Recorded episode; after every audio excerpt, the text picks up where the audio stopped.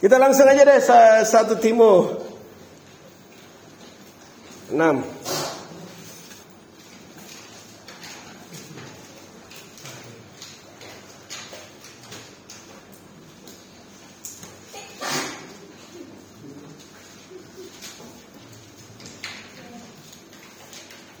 Satu Timotius 6 ayat 12 yang sudah di sana katakan pertandingan iman. Oh iya. 1 Timotius 6 ayat 12 demikianlah firman Tuhan. Bertandinglah dalam pertandingan iman yang benar dan rebutlah hidup yang kekal. Untuk itulah engkau telah dipanggil dan telah dan telah engkau ikrarkan ikrar yang benar di depan banyak saksi. Sagi, hari ini kita akan berbicara tentang pertandingan iman yang benar. Dan saya mau kita semua memiliki pola pikir bahwa kalian semua terlibat di dalam pertandingan ini. Kalau kalian belum menyadari apa yang sedang disampaikan oleh Paulus kepada Timotius, kami mau pastikan kalian akan memahami dan menyadari hal ini dengan benar hari ini. Amin. Setelah berinteraksi dengan ayat ini, saya mulai menemukan sesuatu yang berbeda dan penting untuk kita bersama-sama lihat hari ini. Di ayat ini, di dalam cerita ini, setelah Paulus menjelaskan dan menguatkan Timotius, membuat Timotius memahami semua kondisi di sekitar hidupnya saat itu, apa yang dia alami di dalam pelayanannya, kondisi di dalam pelayanannya waktu itu. Timot Paulus mengajari Timotius bagaimana dia harus deal dengan semua hal itu. Bagaimana dia harus deal dengan semua situasi itu. Ada pesan yang paling penting yang Paulus kasih untuk Timotius di pesan penutup ini. Di akhir daripada suratnya yang pertama, dia memberitahu Timotius hal yang penting yang harus dihadapi. Dia katakan di sini bahwa tetapi engkau, hai manusia Tuhan, Bertandinglah di dalam pertandingan iman yang benar. Agonizomai kalos agoni. Jadi Paulus mengarahkan dan menguatkan Timotius. Hei manusia Tuhan. Bertandinglah di dalam pertandingan iman yang benar. Setelah semua instruksi, setelah semua pengajaran dan pondasi yang harus Timotius lakukan. Oke, okay, this is the time. Bertandinglah di dalam pertandingan iman yang benar. Dan ini yang mau saya kita semua lihat hari ini bahwa ya mungkin kalian berpikir ini ditulis hanya untuk Timotius. Tapi ketika kalian melihat alasan kenapa tulisan ini direkam dan kita dapat membacanya hari ini, saya punya alasan kepercayaan yang dalam terhadap tulisan ini bahwa kita semua terlibat dan harus masuk di dalam pertandingan yang benar ini. Alasan bahwa dia menulis hal ini, saya percaya bahwa hal ini dipikirkan Paulus tidak hanya Timotius yang akan mengerti dan memahami hal ini, tetapi untuk generasi yang lahir di dalam Kristus memahami bahwa hal ini adalah pertandingan kalian juga. Alasan Alasan kenapa kita bisa pegang ayat ini, kita bisa baca ayat ini. Itu bahwa kita harus sadari bahwa kita semua terlibat dalam hal ini. Kita semua diundang untuk masuk dalam hal ini. Hal yang sama ketika saya berdiri di sini, saya menyadari bahwa semua yang ada di sini, semua orang yang duduk di tempat ini, kita semua di sini harus masuk di dalam undangan, ajakan untuk bertanding dalam pertandingan iman yang benar. Apakah kalian rindu untuk terlibat di dalam pertandingan ini? Apakah kalian rindu untuk terlibat di dalam pertandingan iman yang benar ini? Saya senang untuk baca ayat ini sama seperti Hai Sagi, manusia Tuhan. Bertandinglah di dalam pertandingan iman yang benar. Dan Paulus sedang mengajak kita semua pada pertandingan iman yang benar ini. Kalau kalian duduk di sini, ajakan ini untuk kalian juga. But the things is, yang harus kita pahami adalah kita tidak berperang sembarangan. Tidak semua peperangan kita masuk perang. Ini bukan hanya perang-perangan. Kita harus berperang di dalam peperangan yang baik dan benar. Kita harus lihat perbedaan bahwa tidak semua peperangan itu kita harus perang. Tapi berperang pada peperangan yang baik dan benar. Jadi ada peperangan yang Tuhan tetapkan di dalam kehidupan kita untuk kita bertanding di dalam hal itu. Amin. Mari kita lihat di 1 Timotius 1 ayat 18. Sambil buka, sambil kasih senyuman kanan kirinya dulu.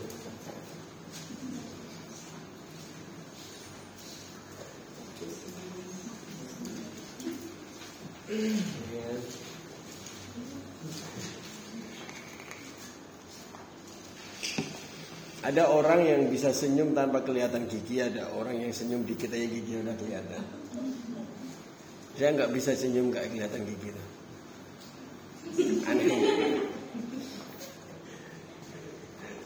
Bercanda.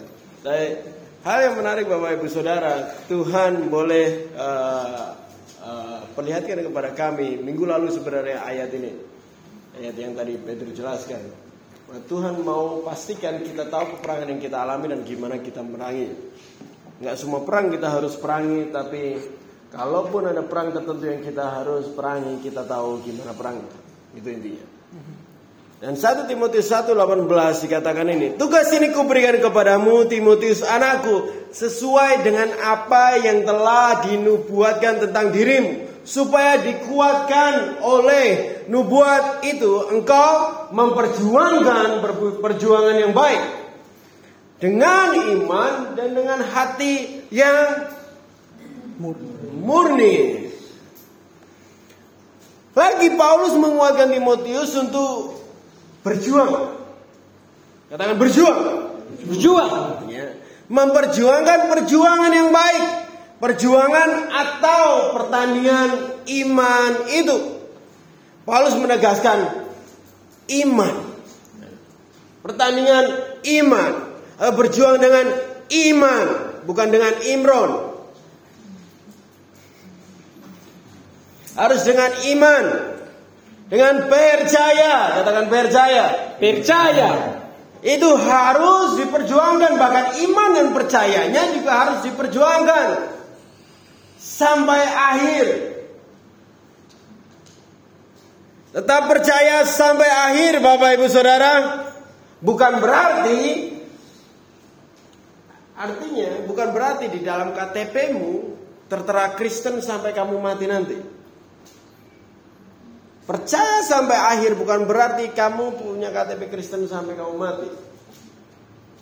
Bahkan beberapa di tempat sini sebenarnya masih tidak Kristen di KTP. Ada berapa ya? Kalau nggak salah ada beberapa ya kan? Ada ada ada Pak Gerwin. Di KTP-nya nggak Kristen. Masih mending lah di KTP nggak Kristen tapi hidupnya Kristen. Ya kan? Paulus serius betul menjaga dan memelihara imannya. Itulah inti dari apa yang Paulus sedang katakan. Bahwa, Ayo berjuang, aku mau jaga ini sampai akhir. Dia serius banget. Apa maksudnya di setiap langkah hidup, uh, mau seberapapun berat dan sulitnya, percaya sama Tuhan tidak boleh berkurang. Beberapa orang akan menjelaskan yang dimaksud Paulus bicara tentang perjuangan iman ini adalah perjuangan menyebarkan Injil. Ya itu benar. Tetapi itu terlalu klise. Bahasa yang bagus banget. Wah kita berjuang dengan Injil. Sekarang kalau saya bilang itu, kira-kira pulang mau ngapain tahu? Itu maksudnya klise. Sampai mana tadi? Nah, kenapa Paulus tidak goyah dan terus berjuang untuk menyebarkan Injil. Karena inti dari penyebaran Injil dan perjuangan untuk penyebaran Injil adalah karena dia tidak berhenti percaya. Perjuangan di dalam Injil itu adalah perjuangan di mana kamu tetap di dalam Injil dan membawa orang juga hidup di dalam Injil sampai akhirnya. Masalahnya adalah setiap orang memang di dalam pertandingannya. Tetapi tidak semua orang bertahan sampai akhir dengan iman yang sama. Salah satu contohnya adalah Yosua dan Kaleb. Ada yang kenal Yosua dan Kaleb? Dua dari dua belas pengintai. Mereka bersama-sama dengan sepuluh orang yang lain mengintai. Coba melihat kenyataan dari janji Tuhan itu. Dari apa yang Tuhan katakan. Tetapi yang terjadi adalah dari apa yang mereka lihat bersama-sama dengan sepuluh orang yang lain, yang sepuluh orang itu gagal bertahan di dalam iman percaya mereka kepada Tuhan karena apa yang mereka lihat. Yang dua tetap terus percaya. Di dalam bilangan 13 ayat 30 kemudian dikatakan begini, kemudian kalian mencoba menenteramkan hati mereka dengan kata enggak, tidak. Kita akan maju dan menduduki bangsa ini. Sebab kita pasti akan mengalahkan mereka. Yang lain ribut, oh nggak bisa. Kita lihat begini, kita lihat begitu, kita lihat begini. Tapi kalian bilang enggak, kita akan maju dan ngalahin mereka. Bicara tentang pertandingan iman Bapak Ibu Saudara, di dalam cerita bilangan 13 ini ada 12 pengintai, betul? Tidak saya lihat di dalam cerita itu satu kali saja yang sepuluh tadi berusaha untuk tetap percaya. Apa pun yang dia mereka lihat mengalahkan apa pun yang Tuhan omongkan. Saya percaya kenapa Kaleb teriak. Enggak! Kita akan maju dan menduduki negeri itu. Sebab kita pasti akan mengalahkannya. Kenapa dia lakukan itu? Karena dia juga memiliki keraguan dan kebimbangan. Tetapi dia mau mengambil keputusan untuk percaya. Dengan menyatakan kembali apa yang Tuhan janjikan. Dan menyatakan kembali apa yang Tuhan sudah bicarakan. Sebenarnya Kaleb sedang berjuang dalam pertandingan imannya supaya imannya nggak goyah dia harus lawan keraguan itu berjuang di dalam pertandingan iman itu. Ada beberapa di tempat ini yang familiar dengan situasi kayak gitu. Kamu ragu tapi kamu harus teriak ke dirimu sendiri. Enggak ini akan terjadi kamu teriaknya bukan karena kamu percaya tapi karena kamu mau percaya. Ada amin di situ? Karena kamu ragu dan enggak, Tuhan pasti, tapi sebenarnya ragu gitu. Ada amin.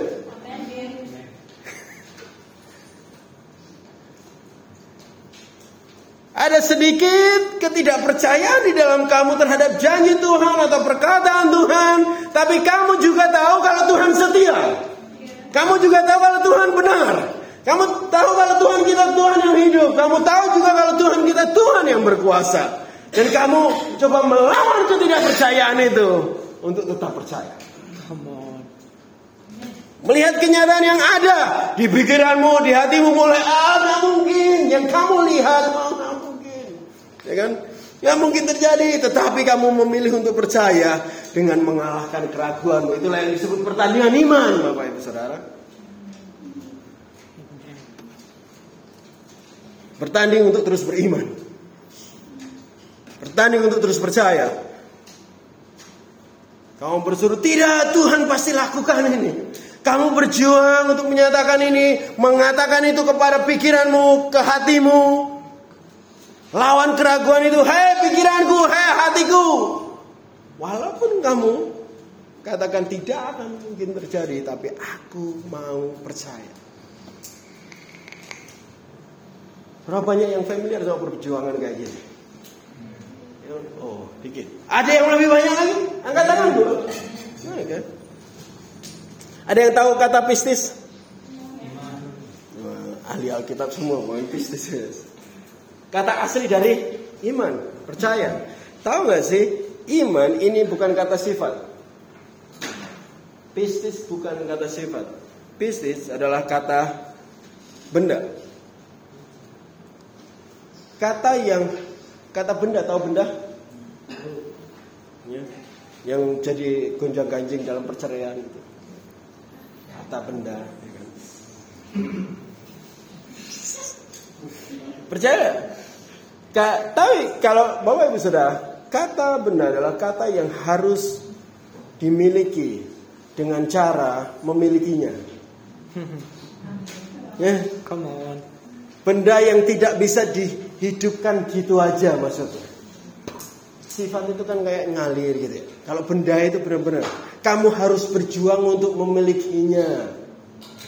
Walaupun sesering dan sekuat apa pun perasaan tentang motor, kamu tidak bisa tiba-tiba punya motor. Come on.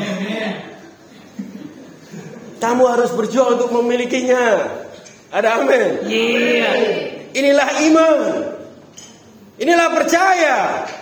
Kamu tidak berjuang, kamu nggak akan dapetin. Kalau kamu nggak bertanding untuk berjuang mendapatkan percaya, kamu nggak akan percaya. Nggak bisa kamu bangun pagi tiba-tiba aku penuh dengan percaya, amin. Nggak mungkin. Gitu. Inilah iman Bapak Ibu Saudara. Maksud saya adalah seriuslah, berjuanglah untuk percaya. Kalau enggak, kamu pasti akan ditemukan murtad di akhirnya. Karena enggak ada satupun kita bisa bertahan percaya tanpa berjuang untuk percaya. Inilah ini yang Paulus sedang kuatkan untuk kita semua. Jangan berhenti, berjuanglah. Di dalam pertandingan imanmu, di perjuangan yang baik ini maju terus. Kenapa? Karena tidak satu pun kita bisa ditemukan tetap percaya di akhirnya tanpa terus berjuang. Tiap bangun pagi kenapa harus menaik sama Tuhan supaya kamu percaya itu. Karena tanpa kamu benar-benar fokus, serius untuk berjuang, kamu gak akan bertahan, makanya kamu harus pukul balik lawan. Ya kan? Tidak bisa menang tanpa mengalahkan lawan. Jangan pernah berpikir kamu bisa percaya tanpa memilih dan berjuang untuk percaya. Seberapa sering pun kamu datang ke pertemuan kami, kalau enggak memilih untuk percaya, kamu enggak ke mana-mana. Ada beberapa hal yang akan melawan percaya kita. Makanya ada pertandingan. Ada pertandingan. Fotonya mana? Oh enggak ada fotonya. ya. Gambar judulnya aja gitu. Supaya nuansa pertandingannya ada. Uh, jangan pernah berpikir hal ini akan mudah. Ya. Makanya Paulus sebutkan berjuang dan bertanding. Ada beberapa lawan yang kita mau bagikan kepada Bapak Ibu Saudara. Mau tahu lawan kita? Yes. yes. Itu siap? Yes. Ya. Siap. Nah, kita lihat Efesus 6. Ya. Yeah. Efesus 6 11 ayat 12. Ali Alkitab awal ayat ini. Berbicara tentang bertanding, kita nggak pastinya nggak terlepas dari tantangan dari para lawan-lawan kita. Dan di Efesus 6 ayat 11 sampai 12, di sini di mana Paulus expose apa yang musuh lakukan, apa yang coba musuh serang Efesus 6 ayat 11 dan 12.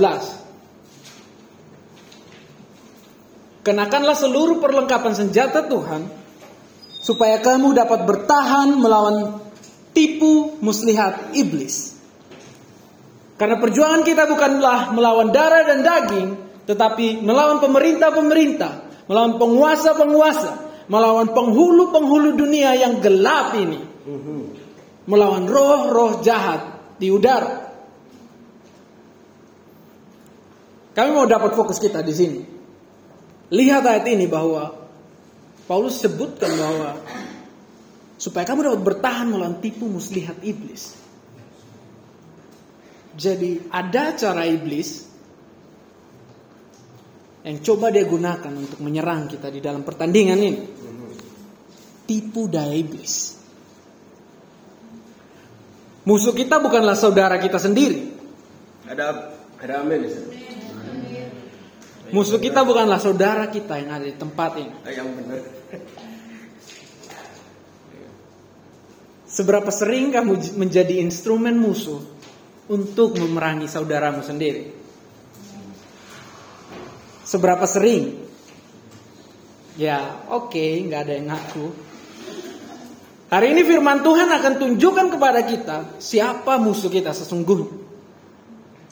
Kalau kalian sadari setelah Paulus memberikan fondasi kehidupan lagi yang benar kepada jemaat di Efesus, bagaimana mereka harus hidup. Tulisan penutupnya lagi, dia memberitahu mereka untuk aware, menyadari peperangan yang sesungguhnya dan musuh yang sesungguhnya ke mereka. Musuh kamu yang sesungguhnya bukanlah darah dan daging, which is manusia. Itu bukan musuhmu. Dia buat mereka aware bahwa menyadari bahwa mereka nggak berjuang untuk melawan darah dan daging. Ya. Tetapi mereka berjuang melawan roh-roh dan penguasa-penguasa penghulu dunia yang gelap dan roh jahat di udara. Yang gelap. Yang hitam. Orang bilang biasa black spirit. Tapi aku black flesh. Ya. Black spirit bukan black skin. Iya, black skin.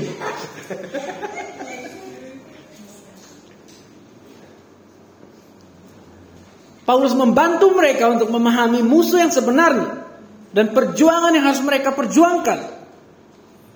Musuh-musuh inilah yang harus mereka hadapi di dalam perjuangan pertandingan mereka.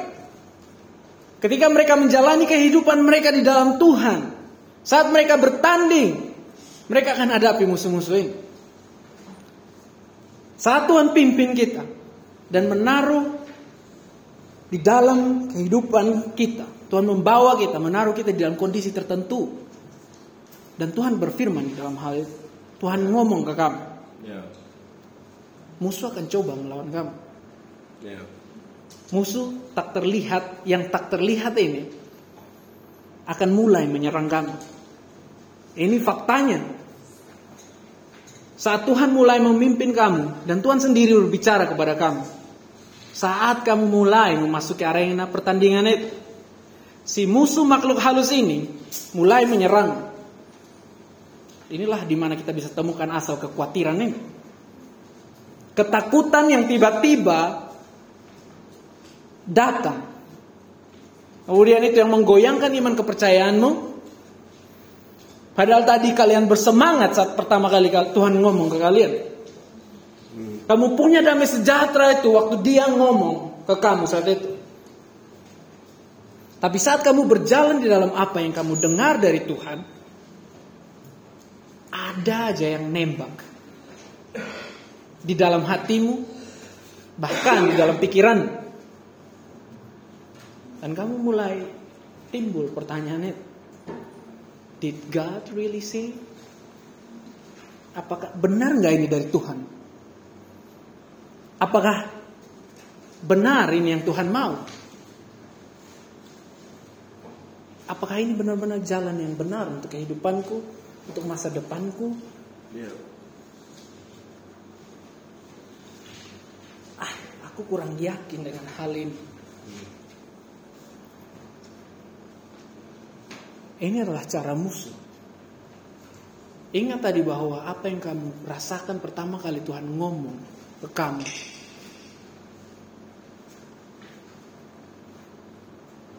Dan saat kamu hadapi sesuatu, perkataan Tuhan gak berubah. Tapi sesuatu yang coba menyerangmu, mencoba mengubah hatimu terhadap apa yang Tuhan katakan ke kamu. Ya. Inilah tipu daya muslihat ini. Dia mulai berikan pertanyaan itu.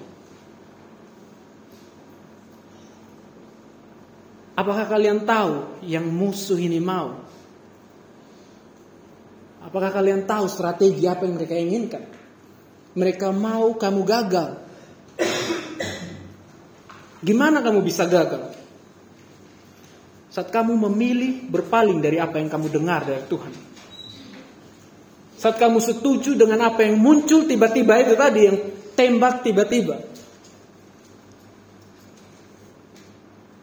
Lihat bahwa semua orang Israel, termasuk pengintai-pengintai itu, mereka telah mendengar apa yang Tuhan firmankan sebelumnya. Tentang tanah yang dijanjikan itu. Mereka mendengar perkataan yang Tuhan firmankan sendiri di dalam kehidupan mereka. Pertanyaan saya di sini adalah bagaimana dengan perkataan yang Tuhan ngomong ke dalam hidupmu? Bagaimana dengan kebenaran yang Tuhan bukakan untuk kamu masuk dan hidup di dalam kebenaran itu? Apakah tipu daya musuh ini kamu coba ambil hal itu?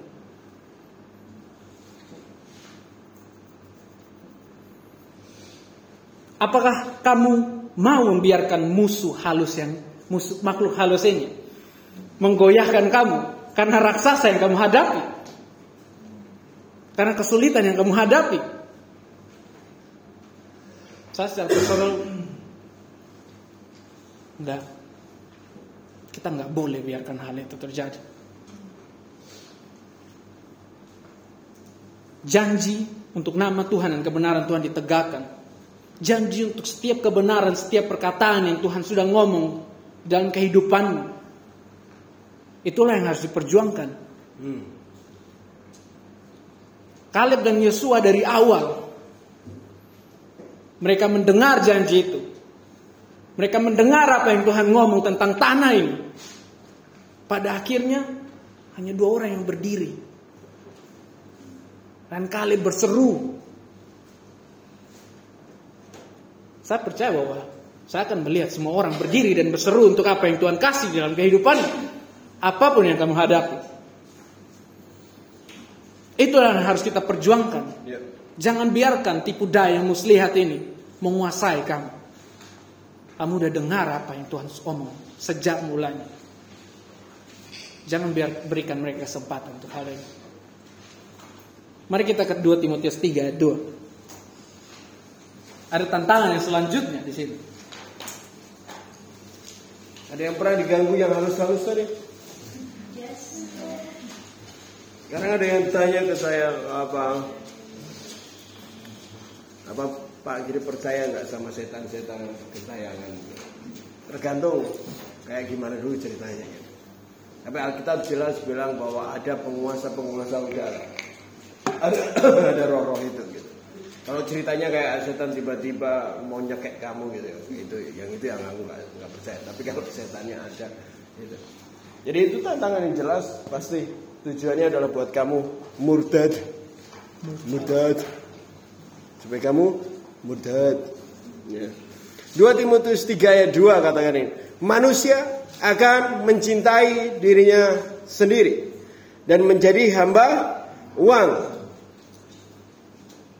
Mereka akan membuang, apalagi nyombongkan diri. Mereka akan menfitnah mereka akan memberontak kepada orang tua dan tidak tahu berterima kasih. Tidak mempedulikan agama. Lawan ketidakpercayaan berikutnya atau yang harus kita lawan waktu kita bertanding dalam pertandingan iman kita. Ayat ini mudah banget. Yang lain bisa sebenarnya di atas atas eh, di atas dari yang satu ini dikatakan manusia akan mencintai dirinya sendiri. Itu saja. Cinta diri sendiri bahasa Jawanya adalah love yourself. Kromo Inggris. Contohnya adalah Maria. Bukan Ren Maria. Maria ibu Yesus. Maria ibu Yesus itu sangat-sangat love Yosef.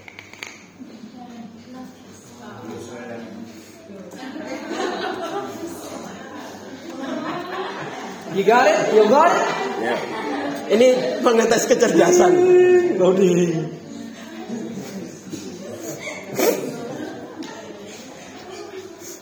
Love Joseph. Okay. Don't talk love Joseph. Uh, Black people. you guys need love Joseph. Oh, that's Mary, okay, not me. Dalam beberapa pengajaran sebelumnya saya juga singgung tentang cinta diri sendiri ini. Masih ingat? Jadi saya nggak akan jelasin lagi. Gitu aja.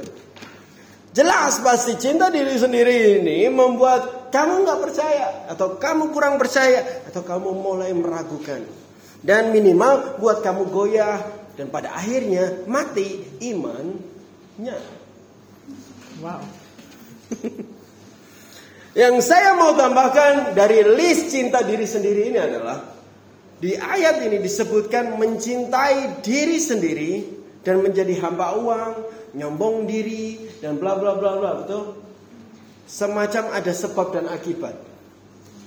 Saya sadar bahwa orang yang cinta dirinya sendiri akan mencintai sesuatu, katakan sesuatu. Sesuatu atau benda untuk dirinya. Jadi waktu kamu cinta diri sendiri, kamu juga cinta sesuatu untuk dirimu sendiri. Artinya salah satu tanda seseorang masih cinta dirinya saat seseorang masih cinta sesuatu yang menjadi miliknya. Yang menjadi miliknya. Bisa mengerti? Salah satu tanda dari seseorang masih cinta akan dirinya sendiri. Saat seseorang itu masih cinta benda, tak gituin aja deh, yang menjadi miliknya. Kamu mungkin bisa duduk di situ sekarang dan menyatakan, kalau kamu sudah nggak cintakan dirimu sendiri. Cara ceknya mudah. Kalau kamu masih cinta barangmu lebih dari orang lain, itulah tanda kalau kamu masih mencintai dirimu. Bahkan ada iklannya loh. Cintai dirimu, minum aku setiap hari. Dan minum aku setiap hari. Semuanya aku-aku terus. Ya kan? Ada barangmu yang tidak sengaja dirusak sama teman sekamar. Kamu mulai mem- memerah, Aku pakai barangnya dengan hati. dipenuhi amarah, dan siap-siap meledak waktu dia pulang dari kerja. Langsung ding ding ding ding. gitu kan. Ya. Dan siap meledak dan merusak hidupnya. Karena kamu sudah merusak barangku, aku rusak hidupmu. Ah, ah, ah, ah. Terdengar kejam. Pernah seperti ini? Ada? Enggak mau ya, enggak, enggak ada yang enggak mau ngaku. Enggak ngaku. Lagu untuk kamu, cintai dirimu. Itu lagunya. Tahu nggak sih cinta diri sendiri sama dengan percaya akan diri sendiri. Mencintai diri sendiri muncul pada kecintaan kita terhadap benda atau barang yang kita mulai mem- yang dan kita mulai mempercayai hidup kita kepada barang-barang itu, barang-barang yang kamu cintai tadi. Bisa mengerti? Ketika kamu mulai mencintai dirimu banget, percaya banget sama dirimu, kamu mulai mencintai barang-barang yang kamu cintai untuk dirimu sendiri. Dan kamu mulai menaruhkan hidupmu sepenuhnya kepada barang-barang yang kamu cintai tadi. Akan lebih masuk akal habis ini. Jadi saat barang itu rusak, kamu atau tidak ada, kamu merasa hidupmu hancur karena hidupmu ditaruhkan di atas barang itu. hancur berkeping-keping. Dan tidak ada harapan lagi karena barangnya hancur. Kemarahannya dia dasari oleh saat kamu percaya sama dirimu sendiri, apa yang kamu punya tidak akan bisa kamu saat kamu percaya tulisanku bingung ini aku. Saat kamu percaya sama dirimu, apa yang kamu punya itu juga kamu percayai kamu tidak akan bisa bertahan percaya. Apa pun yang Tuhan ngomong, kamu lihat kenyataannya ternyata sulit, ternyata tidak mudah. Tapi kamu mau apa yang Tuhan ngomong itu. Terus kamu punya ide, ding, aha. Aku bisa pakai uangku. Aku bisa pakai yang aku punya untuk wujudkan yang Tuhan katakan tadi. Ah, aku bisa pakai. Aku coba kontak semua teman-temanku. Mungkin itu jalan berkat Tuhan yang tadi Tuhan janjikan. Aha, mungkin kamu bisa tidur sama hamba kita aja, Abraham. Aha, ya kan? Si Sarah ngomong gitu. Bisa mengerti di sini? Itu tantangannya. Aku bisa pakai yang aku punya atau yang aku bisa untuk wujudkan apa yang Tuhan katakan tadi.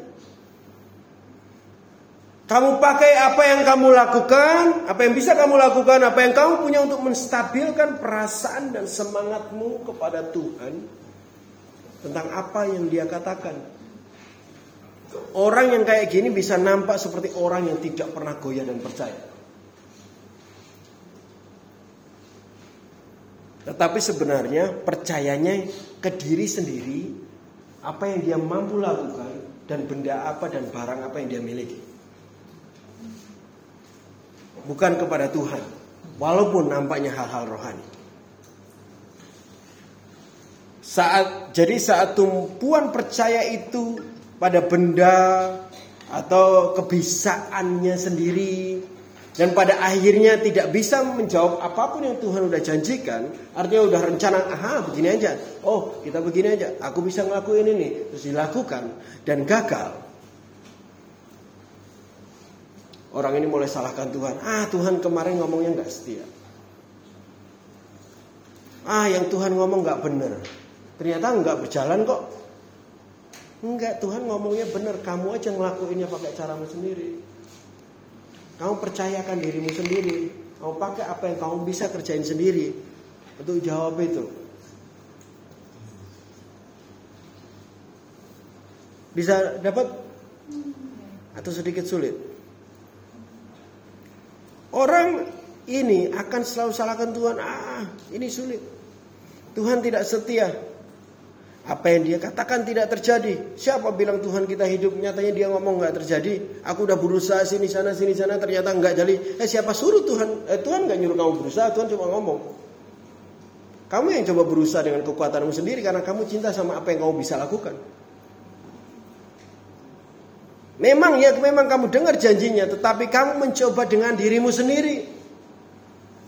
Begitu kamu mencintai dirimu sendiri, rumahmu dan segala isinya, Kau menaruhkah apa yang Tuhan katakan dan Tuhan janjikan dengan itu di atas itu mencoba menjalankan dan mewujudkan apa pun janji Tuhan katakan dengan keakuan kita ini? Ingat Tuhan memberkati kamu bukan untuk kamu menjadi tergantung pada berkat itu. Bisa mengerti tapi kita malah kadang kebalik berkat itu malah menggantikan Tuhan. Kita percaya sama berkat itu. Jadi waktu rusak sendiri kita kayak mau bakar orang itu. Bisa mengerti di sini? Lihat kecintaanmu akan dirimu merusak perlahan dan pasti ujungnya akan merusak kepercayaanmu kepada Tuhan. Ini tantangan yang gak mudah karena cenderung tidak tersadari. Kalau di Efesus 6 tadi, setan, setan, setan, setan, guys. Walaupun kadang nggak kelihatan tapi setan, guys. Jelas gitu loh. Kalau yang ini halus sekali, kadang nggak terlihat bahkan. Bahkan banyak yang datang ke gereja dan rajin ke gereja karena mereka mencintai dirinya sendiri. Aku mau lebih rajin, aku mau lebih diberkati. Dari tetangga. Jadi waktu tuh mereka tidak diberkati, aku bilang makanya rajin kayak aku. Kami mau kamu melihat hal ini. Kira-kira siapa yang masih mencintai diri sendiri di ruangan ini? Saya. Jauh-jauh. Berjuanglah melawannya, amin. Lawan kecintaanmu akan dirimu. Jangan nyanyi cinta dirimu setiap hari.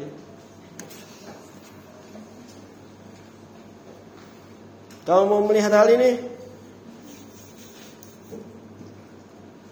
Lihat hal ini dan berjuanglah melawannya. Lawanlah kecintaan pada dirimu, rumahmu dan segala isinya. Percayalah kepada Tuhan sampai akhir. Mau meranginya sama saya? Lanjut yuk ke hal yang lain yang juga bahaya kalau kita nggak sadar. Kita ke Galatia 5 ayat 6.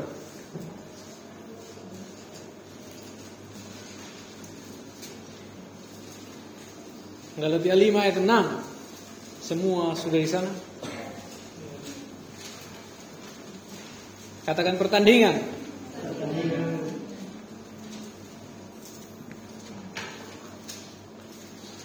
Sebab bagi orang-orang yang ada di dalam Kristus Yesus, hal bersunat atau tidak bersunat tidak mempunyai suatu arti. Hanya iman yang bekerja oleh kasih. Pahami bahwa di ayat ini mereka sedang mempermasalahkan sunat dan gak sunat. Dan tanpa disadari bahwa ini adalah suatu budaya yang coba diciptakan. Ya. Dan mereka mencoba memforcing setiap orang untuk mengikuti hal itu. Tanpa disadari ketika kita memahami hal ini bahwa kita semua lahir dan berasal dari setiap budaya dan suku yang berbeda. Kita dikelilingi dengan semua budaya dan tradisi.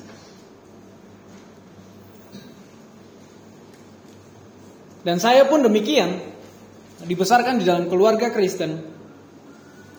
Dan pertumbuhan saya dari bayi sampai 18 tahun disajikan dengan budaya yang ada di dalam keagamaan.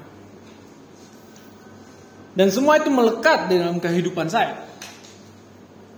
Dan nyatanya semua itu lahir dari opini manusia. Membuat saya bertumbuh dalam kematian rohani. Fisiknya bertumbuh, tapi rohaninya mati.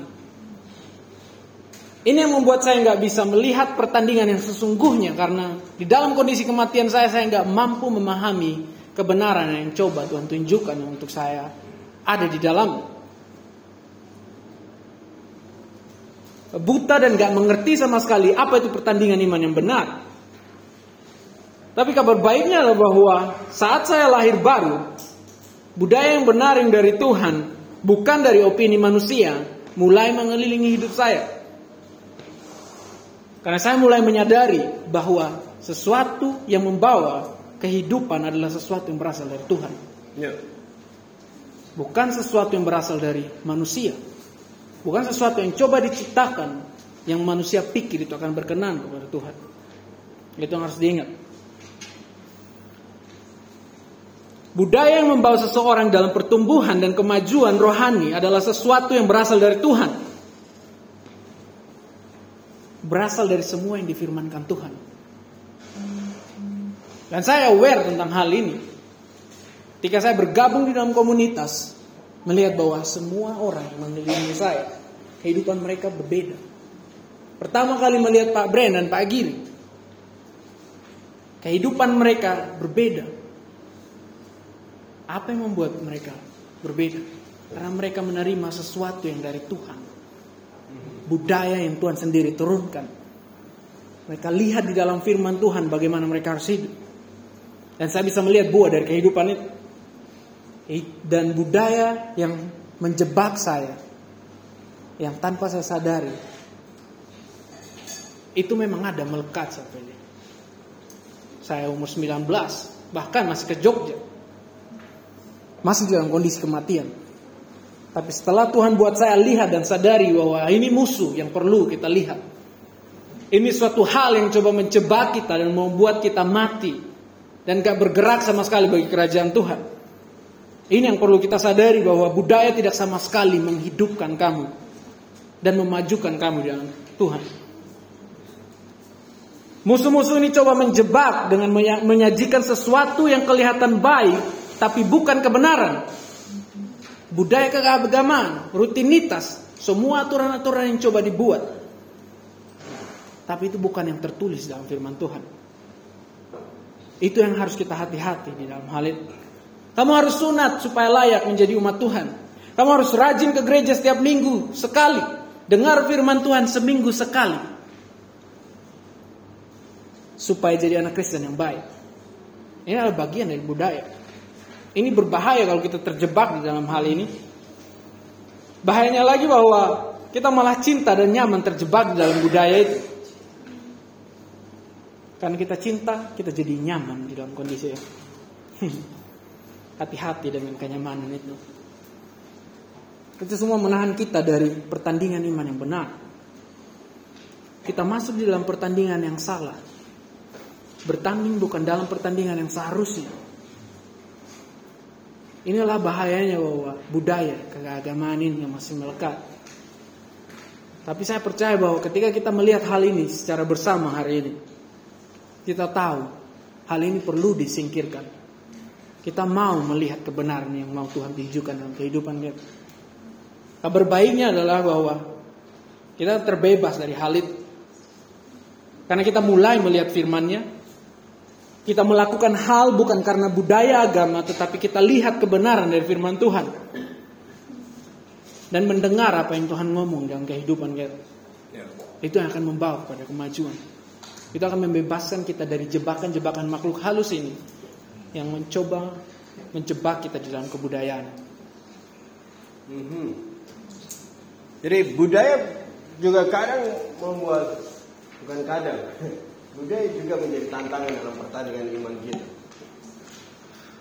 Karena Tuhan menuntut kita untuk hidup dari apa yang keluar dari mulutnya, bukan apa yang keluar dari dunia ini. Jadi itu akan selalu ada konfliknya juga. Ada hal lain lagi. Kita masih di Galatia. Tapi yang pasal yang pertama. Pasal yang pertama ke ayat yang setelah 5. Ayat 6 sampai ayat sebelahnya, ayat 7. Ya kan? Coba cek kanan kirinya masih hidup atau sudah kalah dalam pertandingan. Kita sedang bertanding. Mereka pukul-pukul. Pop pop pop pop. Ya, Galatia 1 ayat 6 sampai 7 dikatakan, "Aku heran bahwa kamu begitu lekas berbalik daripada dia yang oleh kasih karunia Kristus telah memanggil kamu dan mengikuti suatu Injil lain yang sebenarnya bukan Injil. What? Come on. Mengikuti suatu Injil tapi yang sebenarnya bukan Injil. Apa? What?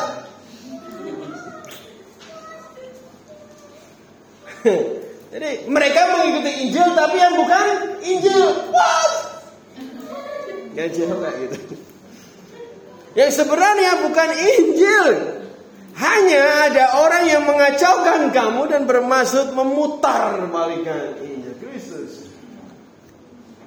Tantangan yang lain yang ada di sekitar kita adalah Injil dibalikin atau kebenaran yang harusnya dipercaya itu diputar balikan sehingga orang mempercayainya yang salah. Wah. Menariknya adalah ini sudah terjadi sejak zaman dulu. Adam dan Hawa, bahkan perjanjian baru Yesus juga, gitu, ketemu sama Satan Rojim. Dan langsung setan, tapi zaman itu yang memutar balikan firman Tapi hari ini bahayanya terjadi di dalam gereja. yang jaketnya bulu domba. Tapi dalamnya wow. Pemutar balikan yang paling sering terjadi saat ini adalah ber, saat ini dan bahkan berhasil menggagalkan seseorang untuk taat dan percaya pada Tuhan. Adalah salah satunya karunia Roh Kudus sudah tidak ada lagi. Atau juga tidak ada orang yang bisa dengar nama Tuhan. Dan itu di dalam gereja. Mereka percaya kita harus mencintai diri sendiri sebagai wujud untuk menjaga hidup yang Tuhan berikan ini. Makanya jangan ngevape. Harus mencintai diri sendiri. Jangan ditato nanti kulitnya rusak kan itu baik Tuhan. Jangan potong rambut dong. Itu kan Tuhan kasih. Jangan pup sekalian.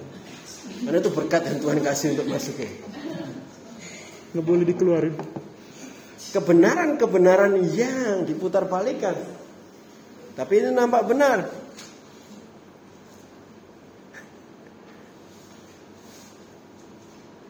Saya mana tuh? Mereka percaya kalau ikut Tuhan semua akan berjalan lancar dan baik. Baru tadi malam aku dengar satu reel dari salah satu youth di Jogja ini. Aku nggak sebut namanya. Videonya kayak video yang harusnya dikonsumsi semua anak muda gereja itu. Video itu. Dan bilang kalau ikut Tuhan pasti semuanya baik. Itu pemutar balikan paling terdengar manis. Jadi saat sulit kamu mulai mempertanyakan firman Tuhan. Mereka percaya ibadah hari Minggu Minggu adalah hari Sabat dan itu adalah segalanya. Sehingga waktu nggak ibadah mereka merasa kurang afdol dari Kristen ya. Padahal intinya adalah pergi dan jadikan bangsa murid Tuhan. Minggu ketemu untuk kita sama-sama merayakan. Kamu bukan datang hari Minggu terus jadi murid yang terbaik. Masih banyak lagi yang dibengkokkan dan bahkan diputar balikan di dalam kebenaran-kebenaran gereja. Kalau saya sebutin satu-satu semua, kita bisa di sini sampai adiknya Shine lahir. Kan repot. Tapi lihat ini, karena mereka percaya Injil yang palsu, waktu kebenaran Injil yang benar keluar, kebenarannya yang benar dipertanyakan. Itu bahayanya yang palsu.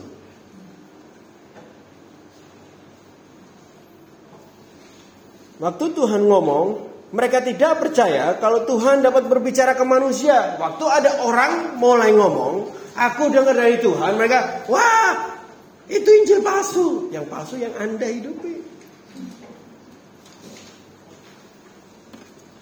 Mereka meragukan apa yang Tuhan katakan ke kamu. Ada yang pernah kayak gitu? Mereka tidak percaya pada firman Tuhan yang Tuhan sampaikan kepada manusia. Seberapa sering kamu ngobrol sama orang Kristen yang di luar komunitas ini dan mereka nampaknya asing sekali dengan kata mendengar dari Roh Kudus?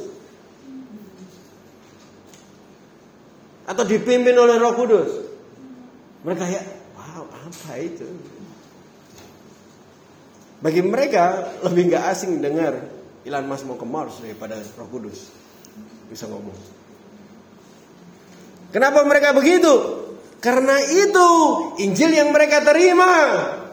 Injil yang dibelokkan. Serong.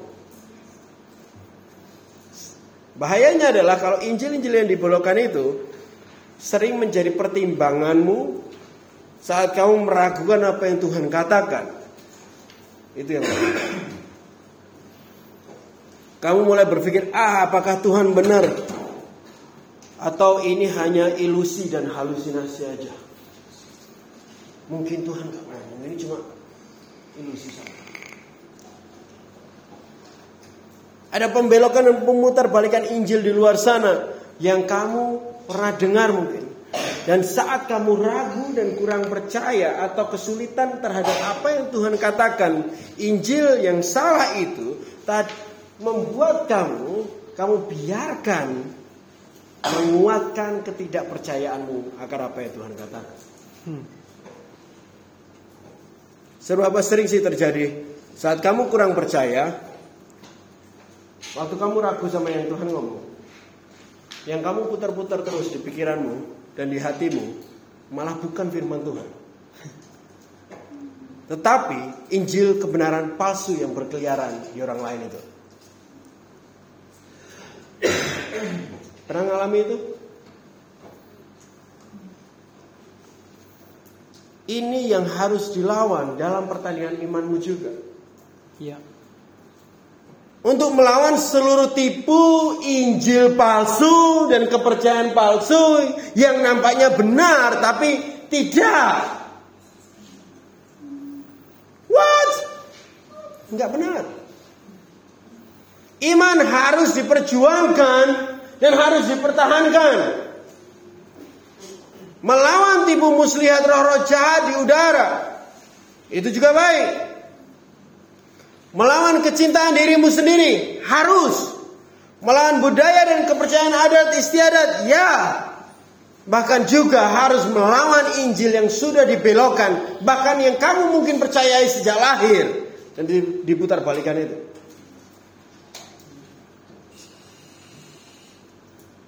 Siapa yang mau terus berjuang untuk imanmu? Bertanding sampai menang. Untuk imanmu itu. Mau tahu gimana cara melawan tantangan iman ini? Kita ke 1 Korintus 9 ayat 25 sampai 26. Itu sebelum 2 Korintus 1.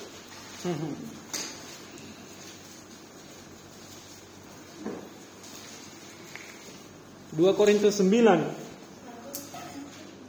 Eh, 1 Korintus 9. 1 Korintus sama 2 Korintus? Sebelum 2 Korintus. Iya, oke. Ada 1 Korintus, teman-teman. Masih bangun semuanya? Iya. Yeah. Kita hampir di penghujung. Hampir, tapi masih jauh. Ayat 25 dan 26, demikianlah firman Tuhan. Tiap-tiap orang yang turut mengambil bagian di dalam pertandingan, menguasai dirinya dalam segala hal. Mereka berbuat demikian untuk memperoleh suatu mahkota yang fana. Tetapi kita, katakan kita, untuk memperoleh suatu mahkota yang abadi. Sebab itu, aku tidak berlari tanpa tujuan. Dan aku bukan petinju yang sembarangan saja memukul. Lihat bahwa apa yang coba Paulus tulis di sini. Di sini dikatakan bahwa menguasai diri di dalam segala hal.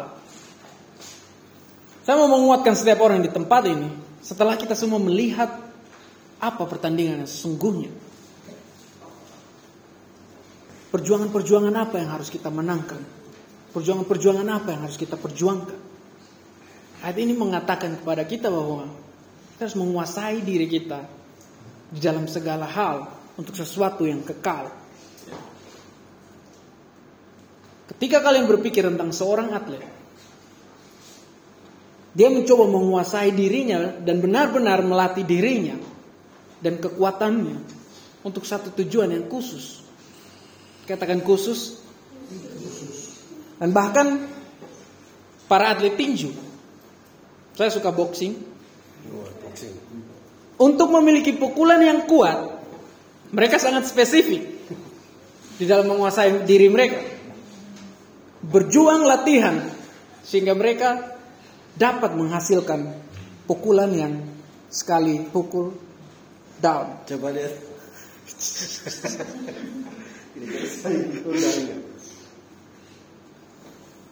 Dan kehidupan kita seharusnya begitu. Ya. Kuasai dirimu terhadap apa yang Tuhan katakan. Kalau kamu tahu musuh bakal serang kepercayaanmu terhadap perkataan Tuhan di hidupmu, kamu harus berjuang untuk kuat mempercayai perkataan itu. Kamu menguasai dirimu sekuat mungkin untuk berpegang kepada apa yang Tuhan omongkan. Ya. kepada perkataan hidup yang keluar dari mulutnya, kepada kehidupan. Itulah yang kamu harus kuasai dirimu di area itu. Jika kamu tahu kamu sering diserang oleh kekhawatiran, ketidakpercayaan, keraguan, kuasai dirimu untuk pegang apa yang Tuhan ngomong. Percaya kepada Tuhan. Lebih berjuang untuk kamu lebih teguh lagi. Lihat area. Katakan area. Area. Di mana kamu sadari musuh sering serang kamu di area itu. Pikirkan semua disiplin dan penguasaan diri yang diperlukan di dalam pertandingan. Lihat kehidupanmu saat ini. Apakah waktumu, aktivitasmu, menunjangmu saat ini? Lihat setiap area. Kita berjuang dengan perlawanan yang tepat dan tujuan yang tepat. Kita berjuang untuk apa yang sudah Tuhan katakan di dalam kehidupan kita. Melihat semua yang dapat membuat kamu bisa efektif di dalam pertandingan. Kuasai dirimu agar kamu menang dan tidak lagi terikat dengan budaya keagamaan yang lahir Ya. dari opini manusia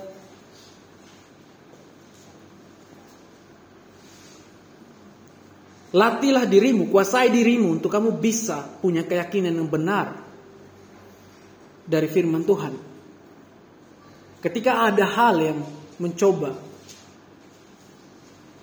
menentang apa yang kamu dengar, lihat kembali kepada perkataan Tuhan. Apa yang Tuhan katakan ke kamu saat itu? Kuasai dirimu, latihlah pertahananmu sehingga, kamu nggak mudah dimasuki oleh Injil yang salah. Bahkan kuasai dirimu untuk berdiri dan bertahan pada Injil yang benar.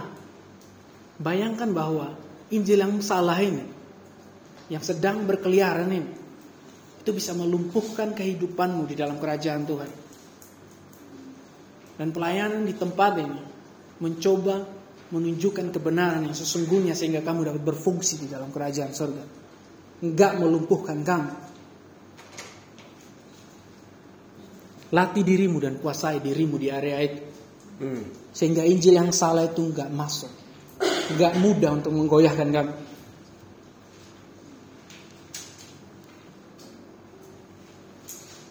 Sehingga kita enggak mukul sembarangan dan enggak bertanding sembarangan. Kita sadari semua tantangan ini di dalam kehidupan kita. Tipu muslihat, roh-roh jahat di udara. Kecintaan akan dirimu sendiri. Budaya dan kepercayaan adat istiadat. Dan Injil yang sedang diputarbalikkan ini. Kita bisa tahu gimana cara menyerang hal itu. Kita bisa menang kalau kita melatih diri kita untuk melawan setiap area-area tantangan yang coba musuh bawa di dalam kehidupan kita. Siapa yang mau berjuang dan siapa yang mau menang akan hal ini. Ya, kalau bicara tentang pengendalian diri, harus ada konstan perlawanan. Masa kita harus benar-benar. Siapa yang giat di sini? ada beberapa ya. Kan konstan mikirin ya, gitu. Kayak hari ini aku harus makan apa? Oh, jam begini. Ah, ini nggak boleh, itu nggak boleh. Oh tidak, oh iya, gitu. Apa? Gitu. Harus ada. Kok itu namanya kendali. Kamu mengendalikan semuanya. Bayangkan kalau itu terjadi di iman kita juga. Setan nggak bisa nyawa kamu, budaya nggak bisa nyawa kamu, kamu pilih benar-benar gitu. Maka kamu tentang cinta diri sendiri kamu pilih benar-benar. Gitu. Semuanya kamu kontrol. Injil yang masuk, yang kamu dengar, baik dari mana pun kamu harus pilih benar-benar. Akhirnya kamu menguasai diri. Nah peperangan itu nampaknya kayak gimana? Kita ke Markus 4. Yang sudah sampai Markus katakan amin. Amin. Markus 4. Dan saya akan mulai di ayat 35. Sudah di situ? Pada hari itu, waktu hari sudah petang. Yesus berkata kepada mereka. Lihat, Yesus ngomong sama mereka. Yesus ngomong ke mereka. Murid-muridnya. Marilah kita bertolak ke seberang. Apa yang Tuhan ngomong ke mereka? Itu perkataannya. Tuhan lagi ngomong ke murid-muridnya. Ini, ayo kita ke seberang. Mari kita bertolak ke seberang.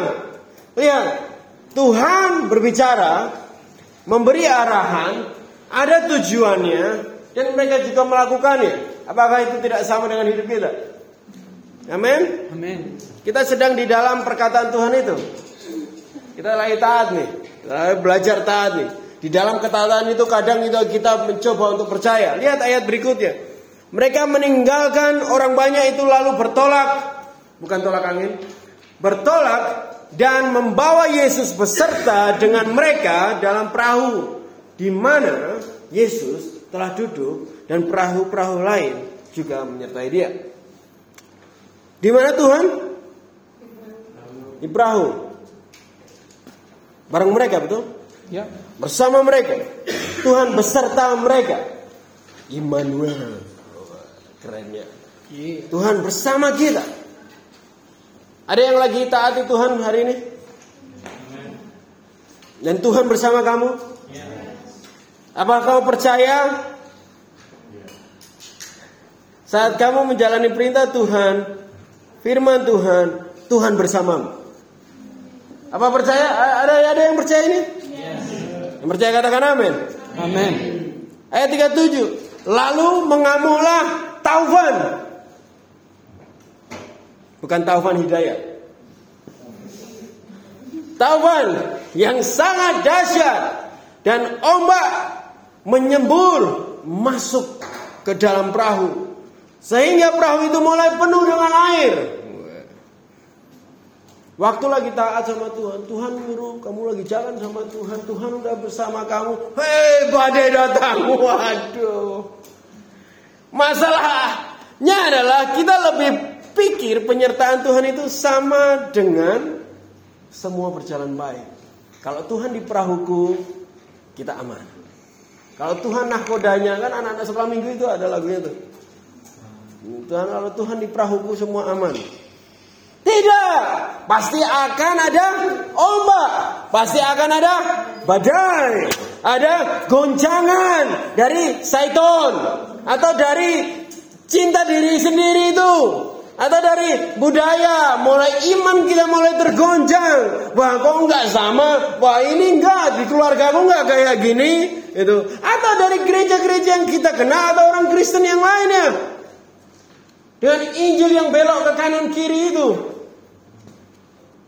Badai dan ombak yang sengaja ada untuk menggoncangkan imanmu pertandinganmu itu Tahu nggak sih orang menang itu cuma terjadi kalau dia bertanding. Saya nggak pernah ikut kompetisi nyanyi khususnya karena saya takut kalah. Sehingga akhirnya saya nggak pernah menang. Kalau kamu mau imanmu bertahan sampai akhir kamu harus ada pertandingan. Dan ombak sengaja ada untuk menggoncangkan percayamu itu untuk men, me, apa apa bahasanya sparring gitu loh. Untuk tanding. Untuk lihat siapa yang lebih kuat. Budaya orang tuamu atau yang kamu dengar dari Tuhan.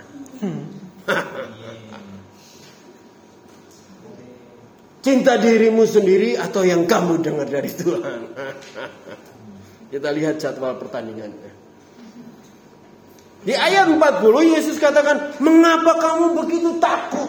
Mengapa kamu tidak percaya. Yesus ada di perahuku loh. Tapi kenapa kamu takut? Kenapa kamu tidak percaya?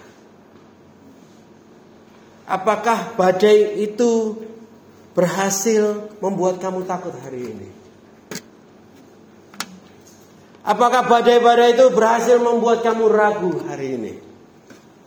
Berhasil membuat kamu berhenti percaya Berhenti berharap. Berhenti beriman kepada Yesus.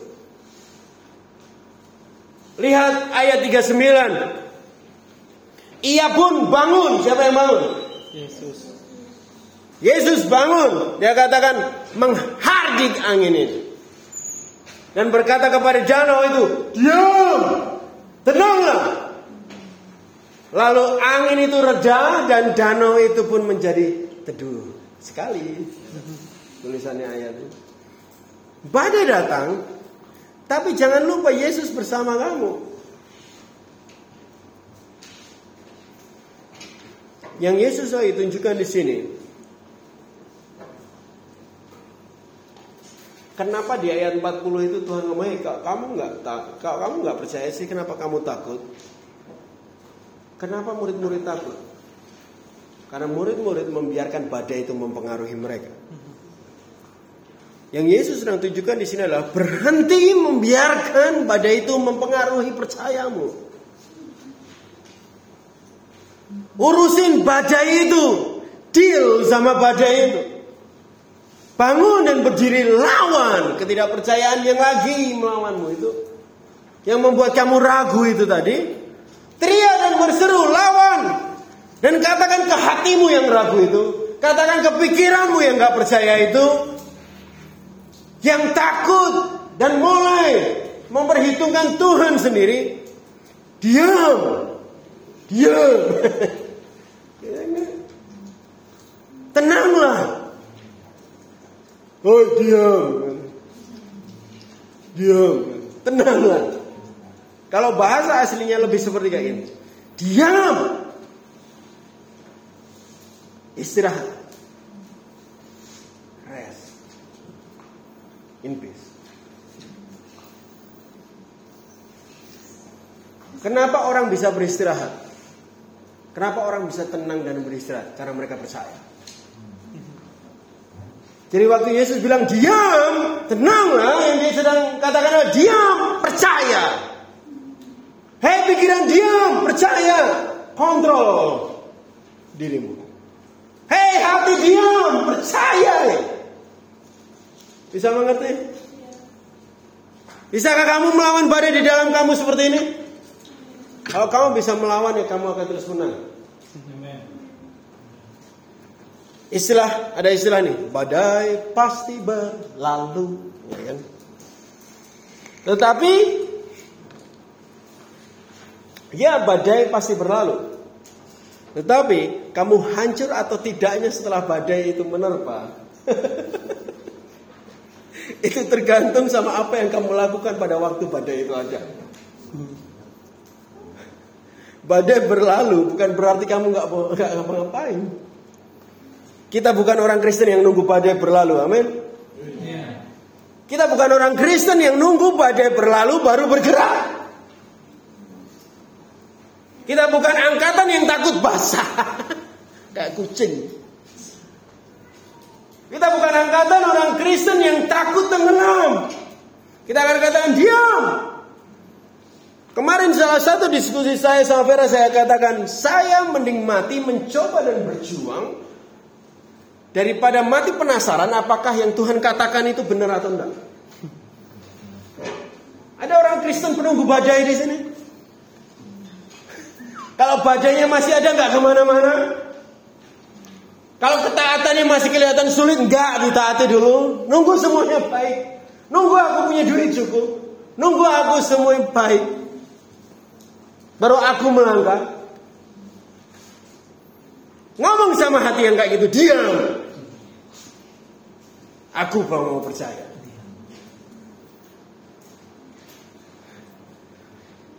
Ngomong sama pikiranmu yang punya pikiran itu. Diam. Aku mau percaya.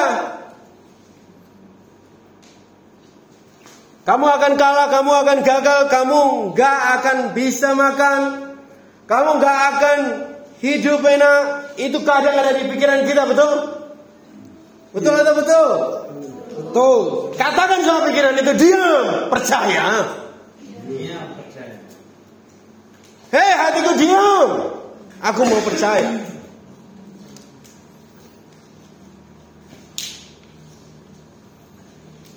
Seperti Kaleb tadi. Nah, kita akan maju dan kita akan menang. Sebab kita pasti akan ngalahin.